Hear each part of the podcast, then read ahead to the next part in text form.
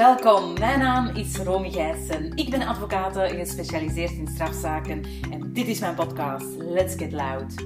U luistert naar het tweede seizoen van deze podcast waar de vrouwen centraal staan. Ik ga in gesprek over een aantal interessante onderwerpen met vrouwelijke confraters en ik heb het met u over vrouwen en criminaliteit. Bedankt om te luisteren. Hartelijk dank om te luisteren naar deze aflevering. Deze aflevering heeft als titel Antigoon. En ik ga in gesprek met niemand minder dan meester Manon Gutwirt. Ik hoop dat ik het juist heb uitgesproken. Antigoon is misschien iets voor de niet juridisch geschoolde luisteraars volledig vreemd, maar het zal uiteraard wel duidelijk worden naarmate de aflevering vordert. Want ehm, meester Manon Gutwiert is toch wel de deskundige ter zake, mag ik stellen, wanneer het gaat over het pleiten rond uh, procedures, procedurefouten die worden uh, opgeworpen. Maar we gaan het eigenlijk voornamelijk hebben over het stigma die men vaak aan bepaalde strafpleiters kleeft of meent te moeten kleven van de procedurepleiter. Dat is iets waar wij eigenlijk vanaf willen. Uh, en ik hoop dat uh, deze aflevering duidelijker is voor de publieke opinie dat het eigenlijk de bedoeling is dat elke strafpleiter, wanneer er zich procedurefouten voordoen, dat die inderdaad dienen te worden opgeworpen. Maar dan gaan we verder naar de Antigonleer. De zogenaamde Antigonleer um, laat de rechter ten gronde toe om onrechtmatig verkregen bewijs in bepaalde omstandigheden toch in aanmerking te nemen bij de beoordeling van een bepaalde zaak. En dat is sinds het cassatiearrest van 14 oktober 2003 in het leven geroepen. Manon zal daar uh, veel dieper op ingaan, wat de gevolgen daarvan zijn, maar het neemt uiteraard niet weg om toch die procedures te blijven opwerpen, aangezien dat dat gewoonweg onze job is. Welkom, Manon. Dank u. Dank u om uh, hier voor mijn microfoon plaats te nemen. Ik vind dat fantastisch. Ik uh, doe een seizoen rond vrouwen, voornamelijk dan in strafrecht, en ik vond dat u niet mocht ontbreken. Dat is uh, heel vriendelijk van u, dank ja. Uh, misschien kort voor onze luisteraars, stel u eens eventjes voor, uh, hoe bent u in dat strafrecht gerold? Op welk kantoor dat u werkzaam bent?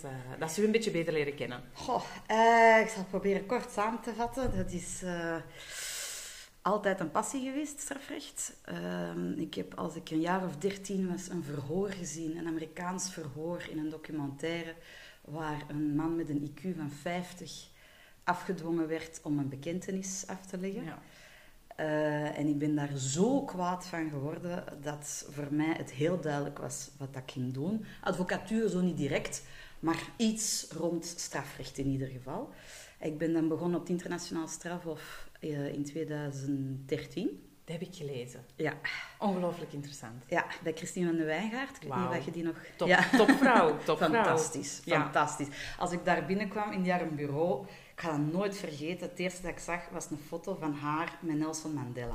Wauw. Dan voelt je echt klein. Ja, ja ook, een, Dan voelt je echt klein. ook wel een voorbeeld, hè? Nelson Mandela, als het over uh, rechten gaat. En, Absoluut. Ja, ja, knap, knap. Ja, dus dat was wel echt een, een heel mooie ervaring.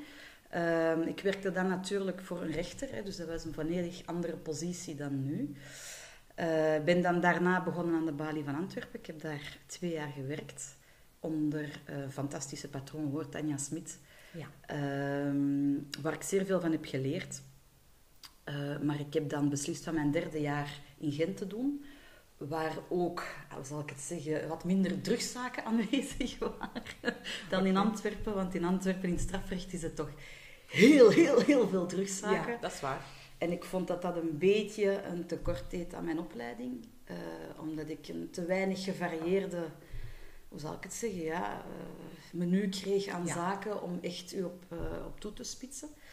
Dus ik heb dan onder de schitterende patroon Hans Rieder mijn stage afgewerkt en ik werk daar nog altijd. En dat is nu bijna Oei, oei, zeven jaar, ja. Al zeven jaar, wauw. Ja. Dus u werkt eigenlijk als vrouwelijke strafpleiter binnen een mannelijk kantoor, hè? mag je dat zo stellen? Wel, Hans is de enige man, dus ik zou Oké, oké. Ah, dat is niet durven zeggen dat het een mannelijke kantoor is. Ik denk dat Hans werkt op een vrouwelijk kantoor. Maar u staat er wel, hè? U Ja, staat nu moet ik ook wel zeggen, dat is ook wel dankzij meester Rieder. Dus ehm, er zijn, jammer genoeg, dat zult je zelf ook wel weten, bestaat nog altijd de overtuiging dat een vrouw een rechterhand is van een strafpleiter. Hè, en nooit op zichzelf zou kunnen staan. En daar is eh, Hans Rieder echt wel eh, een uitzondering in. Hè. Ik bedoel, eh, hij verwacht het beste van iedereen. Ja. Of dat je nu man, vrouw of iets anders bent. of je identificeert met iets anders, dat maakt dan niet uit. Je moet er staan als strafpleiter en minder wordt er niet verwacht. Ja, top. En fijn dat u dat even deelt, want dat vind ik toch wel belangrijk dat dat nu ook naar boven kan komen. Hè. Voilà, u bent inderdaad een vrouw die dat er staat, u doet die zaken. Maar ik wil het dan eventjes hebben, want de titel van deze aflevering is de Antigon, de Antigon-leer. Ah, artikel 32. ja? Ehm, ik wou dat toch met u bespreken. Waarom? Omdat ik eh, gemerkt heb dat u er een beetje de ervaringsdeskundige in bent. Oei. Ja, en ook omdat zowat het stigma van de procedurepleiter wil ik graag een beetje uit de wereld helpen. En ik denk dat u dan ook wel de persoon bent om mij daarmee mee te helpen. Hè? Want uiteindelijk, Maar ik denk een mooi compliment. voilà, als strafpleiter moeten we eigenlijk allemaal de procedures Kennen, voilà, absoluut. en opwerpen. 100%. Maar blijkbaar, publieke opinie, eh, journalisten, die, die drukken vaak de stempel op bepaalde kantoren. Ik denk dat ik ook mag zeggen op het kantoor van meester Rieder. Ja. Dat zijn procedurepleiters. Ehm, die hebben blijkbaar op hun kantoor pijltje piek van wat gaan we vandaag eh, opwerpen in, in dit dossier. Dat is absoluut niet zo het geval. Hè? Dus Nee. ik denk dat u dat even kan kaderen. Misschien eerst daarmee beginnen en dan kunnen we verder doorgaan wat dat nu juist die antigonleer is. Want er zijn ook veel niet-juridisch geschoolde luisteraars Ja. hè, van deze podcast die dan misschien denken van oei, we horen het hier in Keulen donderen. Ik ga Dus we proberen komen zo daar- weinig We mogelijk komen er wel op toe. jargon eh, te gebruiken. Nee, en nee, nee, nee. proberen... eh, Nee, nee, nee, nee. U, u kan dat perfect. Dus dat stigma. Ja, dat is inderdaad iets waar ik zeer allergisch aan ben, uiteraard. Eh, de term procedurepleiter aan zich al, dan voel ik al zo'n beetje het haar komen recht te staan op mijn nek. Ehm, misschien toch eens even verduidelijken dat dat mijn inziens toch alleen maar een term is dat in strafrecht wordt gebruikt. Hè?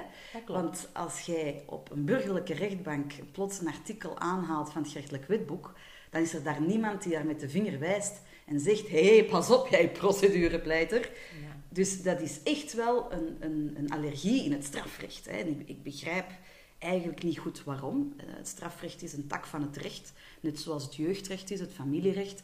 Je kunt niet zeggen dat die takken minder verbonden zijn met de mens dan het strafrecht. Dus in dat opzicht begrijp ik het onderscheid niet waarin het strafrecht bijna wordt afgestraft om eh, bepaalde procedurele waarborgen te bieden. Integendeel, juist door de finaliteit van dat strafrecht zijn die des te zo belangrijk. Dus dat is al een eerste vraag die ik altijd heb gesteld. Waarom wordt dat zo bekeken in, zoals dat u zegt, eh, de media en de publieke opinie binnen het strafrecht en, en passeert dat wel bijvoorbeeld voor een burgerlijke rechtbank waar evenzeer mensen bij betrokken zijn, evenzeer levensbelangen hebben. Dus dat onderscheid is mij eigenlijk al vreemd. Ten tweede is natuurlijk de vraag, wat wil dat zeggen, procedurepleiter? Dat is, wat vragen wij vanuit de filosofie van ons kantoor? Wij vragen heel simpel de toepassing van de wet. Als het Openbaar Ministerie iemand op de beklaagde rechtbank stelt en zegt: Ik vorder hier deze straf conform deze artikelen van het strafwetboek, conform dit, die vraagt eveneens de toepassing van de wet. Wij doen niet anders dan dat. Dus dat is voor mij is die term procedurepleiter onbestaand. Ja, heeft volkomen gelijk. Dank je. ik heb er een carrière van gemaakt. Ja. Dat is, eh, dat is het, eer- dat, daar heb ik inderdaad een probleem mee. Vooral ook omdat ik zie dat het eenzijdig is dat die term wordt geplakt. Hè. Het is enkel als je de rechten van verdediging laat gelden, dat je dat op je uh, bord krijgt, die term. Je krijgt dat niet op je bord in omgekeerde zin. En als ik ben gaan solliciteren bij, uh, bij Hans Rieder, dan uiteraard heeft hij gevraagd waarom dit kantoor. En ik heb hem toen gezegd, omdat u staat te roepen tegen de mensen, stop met uw rechten af te geven. En er is niemand die nog luistert. En ik wil met u, zoals een idioot, meestal roepen. Mhm. Want al die rechten die wij zogezegd afgeven ten behoeve van het vatten van criminelen, dat heeft een onmiddellijke weerslag op de burger, op de rechtsburger. En wij zijn daar allemaal slachtoffer van. Dus die, het beschermen van die zogezegde procedure, gewoon het beschermen van de rechten van verdediging, het beschermen van de rechten waartoe wij recht hebben, waar onze voorvaders trouwens zo voor hebben gevochten. Dat is van uitermate belang, nu meer dan ooit. En het wordt nu meer dan ooit, jammer genoeg, afbreuk aangedaan. Ja. Eigenlijk zou dat ehm, een insteek moeten zijn dat elke advocaat binnen het strafrecht, of ook zelfs binnen, binnen burgerlijk recht, moet hebben. Hè? Dat is toch iets waar dat nu eigenlijk voor wilt pleiten. Eigenlijk moeten we dat... Absoluut alle advocaten moeten dat doen, want waarom de ene wel procedurepleiter, de andere niet? Hij moet allemaal de toepassing van de wet vragen. Wij zijn de beschermers van de rechtsstaat. Klopt. Dat is, wij moeten recht staan als de staat of als iemand anders zich niet aan de wet houdt. En de staat is daar geen uitzondering. Het Openbaar Ministerie is daar geen uitzondering in. Die zijn ook opgemaakt uit mensen. Mm dat is geen absurd gegeven. Wij, zijn allemaal gehouden tot dezelfde wetten. En dan hoog van uw toren gaan blazen en zeggen: hoe durft je hier procedure komen pleiten, bijvoorbeeld die zedenzaken, God forbid. Hè? Terwijl dat je dan zelf gevraagd aan de toepassing van de wet als je dat doet. Want je wijst met je vinger naar een rechtsburger die zich niet aan de wet heeft gehouden. En dan zelf ook niet. Dat mhm. begrijp ik niet. Nee, en dat begrijpen ook, de publieke opinie begrijpt dat ook niet. Hè? Nee. Dat is iets, inderdaad, daar heeft u absoluut gelijk in. Maar dan is er uiteraard een rechter dat moet oordelen. Absoluut. De rechter ten gronde oordeelt. Absoluut. En daar wou ik dus een beetje naartoe walsen. Ja. Antigon-leer. Ja. Um, misschien moet u dat eventjes kort, hè, voor de niet-juridisch geschoolde luisteraars, eventjes uitleggen wat dat dan juist beslist. Uh, wat dat dan juist betekent, op basis waarvan eigenlijk een rechter ten, ten gronde beslist die fout volg ik, die niet. Wat zijn de gevolgen daarvan? Ja, um, om dat natuurlijk op een, op een niet-juridische manier uit te leggen, is, is moeilijk. Niet, is moeilijk. uh, misschien kan ik dat best aan de hand een beetje van een voorbeeld. Hè. Uh, ik weet niet of, dat, of dat u kennis heeft van de film die jaren geleden is gemaakt, Het Vonnis. Het vonnis, absoluut. Ja, ken ik. Uh, nu, het vonnis is maar een Belgisch voorbeeld, maar in Amerika heb je continu in series en in filmen, het is een plot dat we goed kennen. Hè. Er gebeurt een moord of een gruwelijk misdrijf, een verkrachting of een ontvoering of iets dergelijks. De uh, dader, want het is altijd de dader. Hè. We weten altijd in series en in films wie dat de dader is. Dat is natuurlijk in het echt niet zo.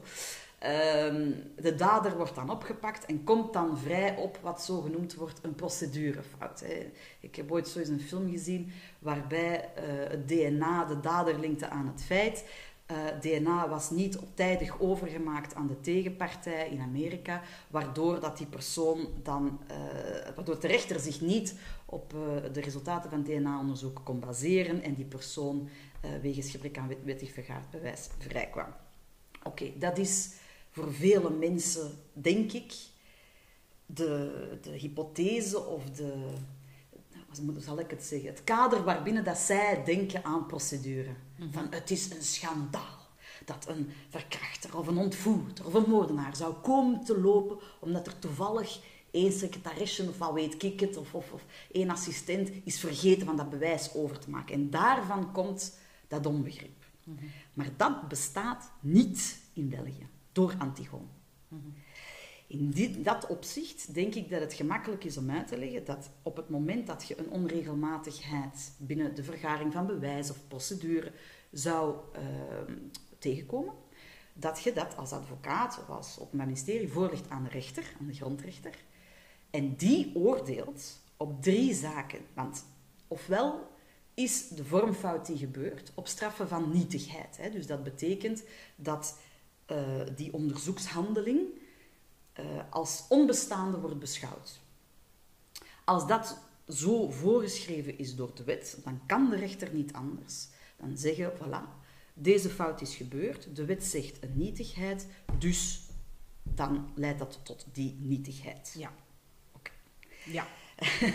een tweede hypothese is dat eh, die fout die dus gebeurd is, moet ehm, eh, tot de onbetrouwbaarheid van het bewijs hebben geleid. Dus bijvoorbeeld, ehm, stel, om nu heel abstract te gaan, hè, maar uh, je hebt een labo waarbinnen de procedure niet gevolgd is geweest om tot de identificatie van een bepaald DNA-staal te komen, dan kan dat worden beschouwd als ja, maar als dat niet gevolgd is, dan kan dat even van iemand anders zijn, want we hebben nu geen uitsluitsel over hoe dat, dat DNA is geanalyseerd geweest. En dan zou een rechter kunnen zeggen, voilà, dat heeft de betrouwbaarheid van, die, uh, van dat bewijs aangetast. Uh, en in dat opzicht gaan we het ook moeten weren uit de debatten, zoals men zegt. Hè. Dus dat wil zeggen dat men het uit het dossier haalt en dat de rechter zich niet meer mag steunen op het resultaat van die onderzoekshandeling, die dus aangetast is door die vormfout. En dan heb je het derde, en dat is natuurlijk de grote paraplu, hè, mhm. uh, waarbij dat ze zeggen, uh, het moet hebben geleid tot de schending van de rechten van verdediging. Maar dat is natuurlijk een zeer feitelijke appreciatie. Voilà. En daar zitten we met, denk ik, de grootste discussiepunten. Wat leidt nu tot een onherstelbare schending van de rechten van verdediging? En dat is waar dat Openbaar Ministerie, rechters, advocaten en ik denk zelfs publieke opinie, pers, iedereen over kan verschillen van mening. Wat dat voor de ene rechter een flagrante schending is, is dat voor de andere niet. Wat dat voor de ene advocaat, want wij zijn uiteindelijk in eerste instantie ook de beoordeler daarvan, uh, voorkomt als ja, zoiets kan zeker niet passeren, is voor de andere advocaat zoiets. Oh, oh. Dus allez, ik denk dat daar wel uh, wat, uh, wat speelruimte op bestaat. Ehm, speelruimte is belangrijk voor de individualisering, maar is natuurlijk heel, heel gevaarlijk voor de rechtszekerheid, Absoluut. rechtsgelijkheid. Absoluut. Dus dat is, dat is een, een tweesnijdend mes. Hè? Ja, maar dus er is eigenlijk omwille van die Antigonleer een heel brede appreciatiemarge gegeven aan de rechter ten gronde. Zo is het, ja. Er zijn toch verschillen van rechtbank tot rechtbank? Absoluut. Absoluut. Een of van beroep weegt dat soms ook van tafel. En zoals dat u eigenlijk ook al heeft aangegeven, ik heb dat ooit, de eerste aflevering die ik ooit heb opgenomen, advocaat als eerste rechter, dat wij toch een klein beetje moeten gaan inschatten gaat dat nu uh, worden van tafel geveegd of niet? Ga ik het opwerpen of niet? Ah, nee, ja. Maar u, bent, u trekt altijd die kaart vanaf het moment dat u het vindt, Sowieso. opwerpen. Ja, ik ben daar de beoordeler niet van. Ik beoordeel of dat het naar mijn bescheiden kennis, naar mijn uh, bescheiden mening, een uh, fout tegen de wet maakt. Dat, daarin beschouw ik mezelf als eerste rechter. Dus dat ik zeg van, uh, is het in overtreding met die wet, ja of nee? En kan ik dat hard maken, ja of nee? Is daar een argument voor? Maar ik ben geen rechter. Het is de rechter die dat moet beoordelen. Het is de rechter die die afwegingen moet maken. Uh, en dus ik, ik ga nooit afgaan op mijn persoonlijke kennis van die rechter, omdat je niet weet, elke zaak is anders, of dat hij of zij dat in deze zaak niet anders beoordeelt. En er zijn natuurlijk ook bepaalde argumenten die wat feitelijker zijn, zelfs binnen de procedure dan een ander. Juist omdat die appreciatiemarge zo groot is. Um, maar ik vind zeker dat als er een probleem is, ongeacht wat dat daar het gevolg van is, het is uw job om dat aan te kaarten. En het is aan de rechter om te beslissen wat hij daarmee doet. Wij beargumenteren uiteraard wat wij vinden dat hij ermee moet doen. Maar het is onze job om het wel aan te kaarten. Ja. Vindt u dat er advocaten in falen? Dat is misschien een gevaarlijke vraag dat ik stel, maar wordt er soms in gefaald? Dat weet ik niet. Um, ik denk dat elke advocaat voor zichzelf een strategie uitmaakt per cliënt. En met de cliënt ook bespreekt, uiteraard. En met de cliënt ook bespreekt. Er zijn uh, zaken geweest waarin ik een opportuniteitsafweging zou hebben kunnen maken. Of toch zou hebben kunnen begrijpen dat iemand ze zou kunnen maken. Dus nee, dat kan ik, dat kan ik zeker niet beoordelen. Want voelt u soms in bepaalde dossiers, uh, stel hè, met, met verschillende beklaagden, dat u misschien de enige bent die de procedures opwerpt en al de rest... Heeft u vaak dat gevoel? Wel, allee, dat hangt er een beetje van het dossier af. Hè. Ik, ehm, ik, ik doe natuurlijk vooral financieel strafrecht. Ja. Hè. Dus daarin ehm, is, is dat misschien, oh, ik weet het niet, iets meer aanvaard of zo, dat eh, dergelijke aspecten worden belicht. Meer dan in bijvoorbeeld zedenzaken eh, of drugszaken. In drugszaken wordt heel veel van tafel gezwierd onder het mom van het hoger belang, denk ik. Daar waar dat ik niet begrijp wat een hoger belang is en dat de staat zelf de eigen wetten toepast, maar oké. Ehm, dus dat, eh, dat vind ik eh, een, een moeilijke vraag. Ik denk dat er. Ik denk dat ik inderdaad vaak de, de commentaar krijg van. Goh, waarom toch? Het haalt hier niets uit. Of ehm, eh, je kunt hier beter schuld bekennen en dan op de strafmaat pleiten, wordt heel vaak gezegd. Hè? Eh, ik, ja, ik- kan een dossier niet op die manier behandelen. Ehm, ik kijk eerst wat zegt, wat is er gebeurd. Hè? Je- chronologiseert heel je strafdossier. Je bekijkt, is er voor elke onderzoekshandeling een duidelijk bevel of kansschrift vertrokken? Is er, eh, is er, ja, is, is het dossier conform de wet? Dat is de eerste vraag die ik mij stel. Oké. En daar En- doet al de rest geen afbreuk aan. En het verhaal van uw cliënt. Misschien ook een gevaarlijke vraag. Stel, een cliënt heeft nog geen verklaringen afgelegd, Mhm. maar in alle vertrouwen gaat hij ten aanzien van uw bekentenissen afleggen. Hm? U gaat een dossier bestuderen en merkt heel veel zaken op waarvan u zegt van, goh, strafvordering gaat sowieso onontvankelijk zijn. Hm? Wat doet u daarmee? Of is dat een moeilijke vraag? Nee, dat is zeker een moeilijke vraag, omdat die volgorde voor mij uitgemaakt is. Ik ben niet de rechter. Ja. Het is de rechter die die afweging moet maken. Ik werp op wat ik kan opwerpen. Ik beschrijf wat dat ik kan beschrijven en ik leg alle aspecten in het voordeel van mijn cliënt voor. Het Openbaar Ministerie doet het omgekeerd. Leggen alle aspecten in het negatief, in het nadeel van mijn cliënt voor. En het is de rechter die de afweging maakt, niet ik. En een cliënt die dan op een zitting ten gronde plots die bekentenis ten aanzien van een rechter doet en u heeft daar een glansrijk pleidooi afgevoerd over al... Het gebeurt in de praktijk, hè? Het Ja. kan gebeuren, hè? En dat zijn soms Ik moeilijke zaken. Ik moet eerlijk toegeven, dat, dat zijn situaties waarin ik minder mee geconfronteerd word. Ehm, het is ook vaak een, een... Ik heb vaak dossiers die zeer ingewikkeld van aard zijn, in die zin dat het dan gaat over bijvoorbeeld ja, eh, misbruik van vennootschapsgoederen. Ehm, er zijn heel vaak zaken waarbij mijn cliënten de feiten weergeven die zij hebben eh, niet gepleegd, maar dus zouden hebben gepleegd. Waarbij dat ik zeg, oké, maar conform uw narratief is dat geen strafbaar feit.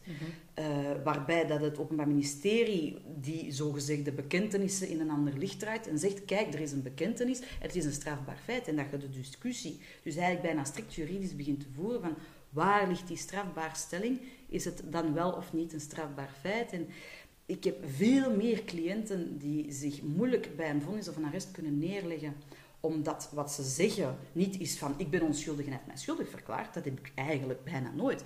Maar ik heb heel vaak gezegd, ja maar dat is zo niet gebeurd.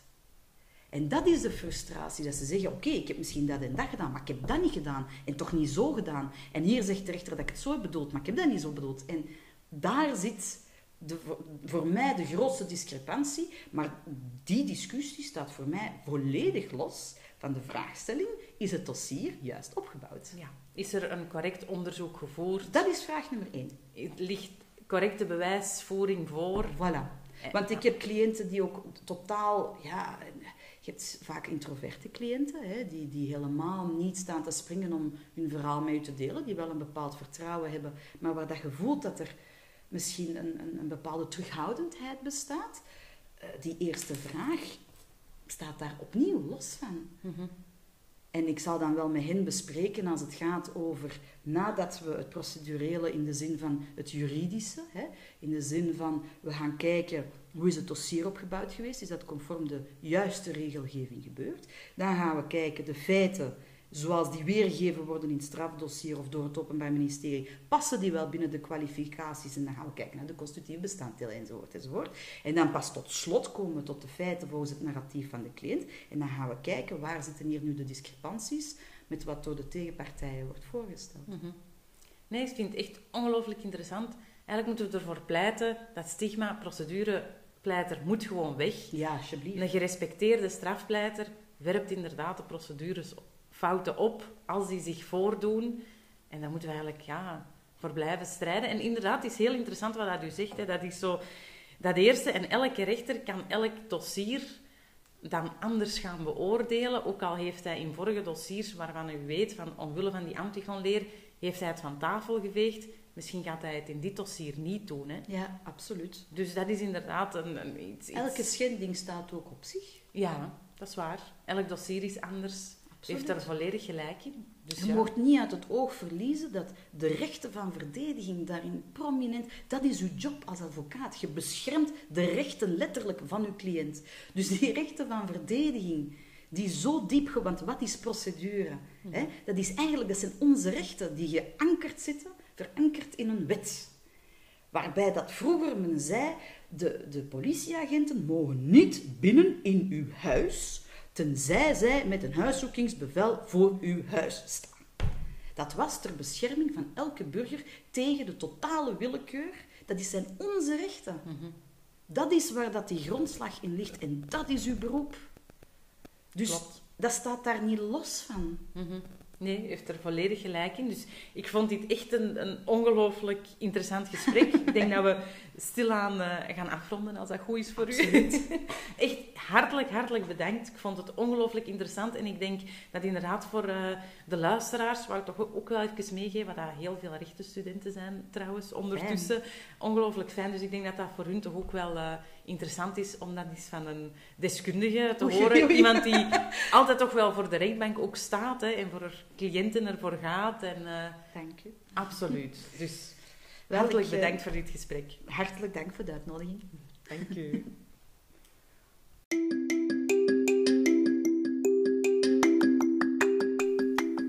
Vond u deze aflevering interessant? Deel hem dan gerust met uw vrienden of collega's. Om op de hoogte te blijven van de nieuwe afleveringen die online zullen komen, volg mij dan via sociale media. Dit kan via LinkedIn onder de naam Romy Gijssen of via Instagram onder de naam Romy underscore Gijssen underscore advocaat. U kan uiteraard ook de podcast volgen via waar u hem ook beluistert, via Spotify of via de podcast-app. Een beoordeling wordt uiteraard ook altijd geapprecieerd. Heel graag tot de volgende aflevering.